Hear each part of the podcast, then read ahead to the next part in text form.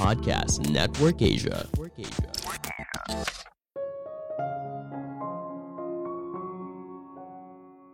Mayoritas manusia tidak berpikir berdasarkan logika. Kita berpikir berdasarkan perasaan. Halo semuanya, nama saya Michael. Selamat datang di podcast saya, Sikutu Buku. Kali ini saya akan bahas buku The Laws of Human Nature karya Robert Greene. Sebelum kita mulai, buat kalian yang mau support podcast ini agar terus berkarya, caranya gampang banget. Kalian cukup klik follow Dukungan kalian membantu banget supaya kita bisa rutin posting dan bersama-sama belajar di podcast ini. Buku ini membahas cara mengetahui sifat asli manusia. Manusia boleh dibilang adalah hewan sosial.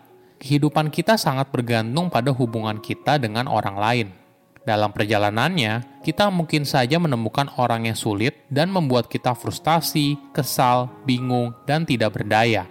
Mengetahui alasan kenapa seseorang melakukan apa yang mereka lakukan adalah keahlian terpenting yang seharusnya kita miliki. Sifat asli manusia berasal dari cara otak kita diprogram selama evolusi jutaan tahun. Belajar dari berbagai tokoh hebat di masa lalu, penulis memberikan tips bagaimana kita bisa mengontrol diri sendiri, membangun empati untuk berhubungan dengan orang lain, dan sebagainya. Saya merangkumnya menjadi tiga hal penting dari buku ini. Pertama, menjadi rasional. Banyak orang berpendapat masyarakat modern itu lebih banyak menggunakan sisi rasional dan akal. Namun kenyataannya, kita membuat sebagian besar keputusan berdasarkan reaksi emosional. Reaksi emosional ini tidak ada hubungannya dengan logika. Oleh karena itu, sebagai manusia, kita sangat rentan untuk membuat pilihan yang tidak rasional. Penulis mencontohkan seorang negarawan Athena bernama Pericles yang dianggap sebagai salah satu orang pertama yang mendorong perilaku rasional pada abad kelima sebelum Masehi. Saat itu, ada desas-desus kalau Spartan akan menyerang Athena. Pericles mendorong para pemimpin Athena untuk menahan diri daripada melakukan serangan pertama. Jika para pemimpin bertindak berdasarkan emosi, mereka bisa memulai perang besar-besaran. Namun sayangnya, tidak lama kemudian Pericles meninggal dunia karena wabah. Tanpa wawasan rasionalnya, Athena membuat keputusan berdasarkan emosi. Saat Athena memutuskan untuk melawan Spartan, keputusan itu hampir menghancurkan Athena sepenuhnya. Kita bisa belajar banyak dari Pericles yang menunjukkan kesabaran. Ini adalah dasar untuk membuat keputusan berdasarkan rasionalitas daripada membuat keputusan cepat berdasarkan emosi. Pericles juga mempertimbangkan setiap pilihan saat membuat keputusan dia akan mengumpulkan semua informasi dan membuat keputusan yang tepat. Cara ini kadang artinya bertentangan dengan keputusan mayoritas orang dan mereka yang berkuasa. Namun yang jauh lebih penting, keputusanmu berdasarkan pada logika dan alasan daripada menjadi populer.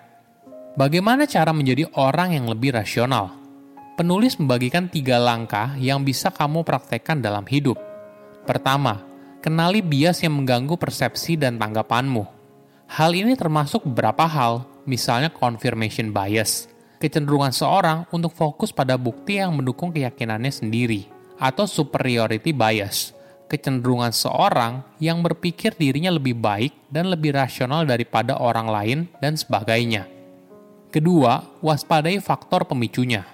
Ini adalah perasaan tertentu yang berpotensi memperbesar prasangka kita. Mungkin saja berasal dari memori masa kecil yang memicu perasaan positif atau negatif yang kuat dan sebagainya.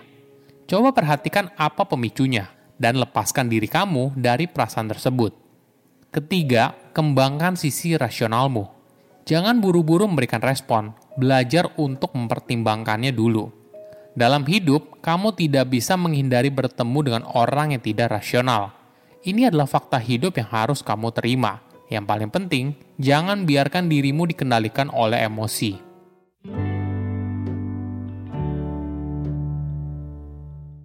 Kedua, stop narsis, kembangkan empati. Sebagai manusia, kita selalu butuh perhatian terus-menerus. Intinya, kita adalah makhluk sosial.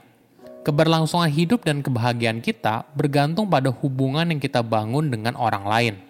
Kebutuhan ini juga bersifat psikologis. Melalui kualitas perhatian yang kita terima dari orang lain, kita merasa diakui dan dihargai apa adanya.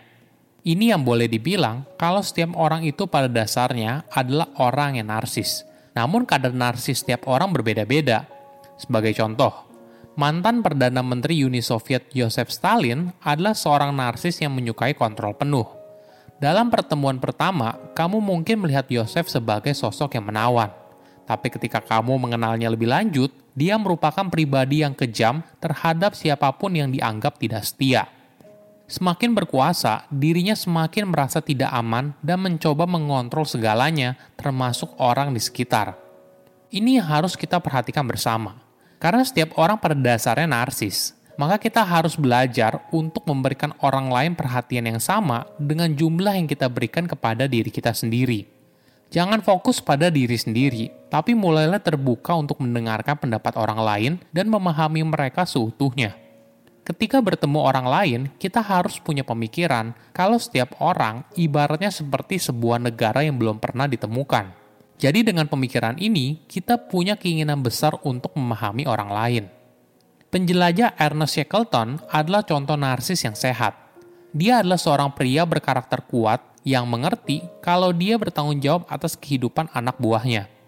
Ketika timnya terjebak selama berbulan-bulan di aliran es Antartika pada tahun 1915, Shackleton menyadari kalau perilaku mereka akan menentukan hidup atau mati. Sebagai pemimpin, dia berusaha meyakinkan mereka dengan pembawaannya yang penuh percaya diri. Shackleton juga berusaha memperhatikan masing-masing anggota maupun grup secara keseluruhan. Dia pun memilih kata yang tepat dalam memberikan kritik agar tidak menyakiti perasaan anggota timnya. Ketika kamu melihat kemampuan untuk membaca suasana hati orang lain sebagai peluang untuk bertahan hidup, maka kamu bisa menjaga narsismu dengan baik.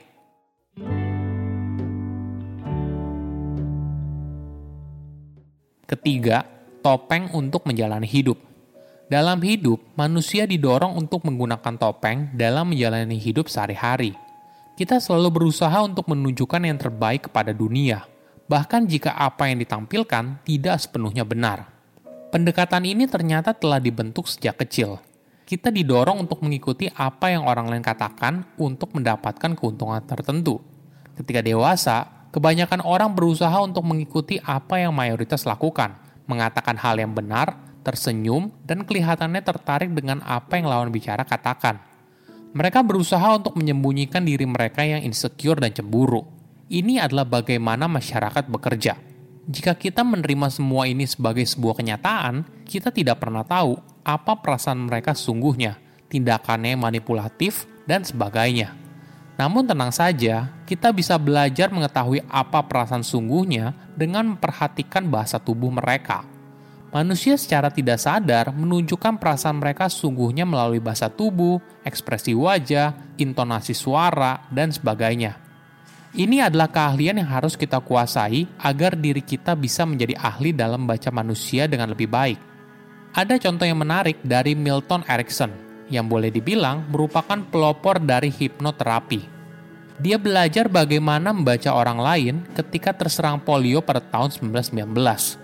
Kelumpuhan fisik total selama berbulan-bulan memaksa Milton untuk perhatikan isyarat fisik terkecil dari anggota keluarganya, mulai dari gerakan tangan, nada suara, ekspresi wajah, dan sebagainya. Saat Milton secara bertahap kembali pulih, dia terus fokus perhatikan bahasa tubuh orang lain dan akhirnya menggunakan pengamatan ini dalam praktiknya sebagai siater. Kita merasa kalau kita adalah orang rasional, tapi sayangnya banyak keputusan kita tidak berdasarkan logika, tapi pada perasaan. Saya undur diri, jangan lupa follow podcast Sikutu Buku. Bye-bye. Pandangan dan opini yang disampaikan oleh kreator podcast, host, dan tamu tidak mencerminkan kebijakan resmi dan bagian dari podcast Network Asia.